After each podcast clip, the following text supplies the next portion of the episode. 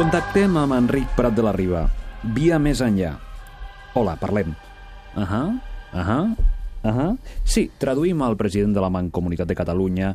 La seva obra va ser la de les tres Bs. Bones idees, bon govern, bones persones. Resum, ell volia el cel. Ell volia un país elevat, suprem, excel·lent. Ell volia els més preparats, els millors. El govern dels millors. Us sona? Al futur, Artur Mas va mirar Prat de la Riba per fer el seu primer govern. Però anem a les persones, els millors. Escoltem quina idea tenia Prat de la Riba sobre això. Diu, malgrat la separació d'ideals de partit, de grups, matisos, punts de mira diferents, faig una crida perquè un sentiment de patriotisme ens porti a cercar un nou ideal.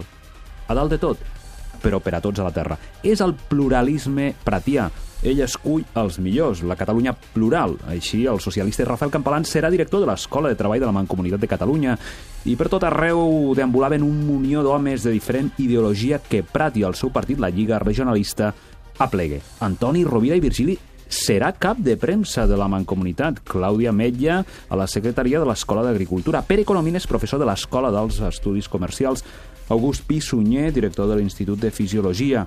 Desenes de noms d'ideologies diverses que s'eleven perquè tots busquen el cel d'aquest país, tots busquen, com ja va assenyalar en els seus discursos Prat, el demà. El demà d'un país que sume les millors individualitats per esdevenir una col·lectivitat excel·lent. El demà, de fet, és aquest, avui, avui que més de cent anys després, tota l'obra de la Mancomunitat continua d'en peus i les idees d'aquell president pràctic però alhora elevat també les continuem respirant al nostre cel. Efectivament, doncs una història molt interessant com sempre. Gràcies, Francesc Canosa, i ens retrobem d'aquí no res.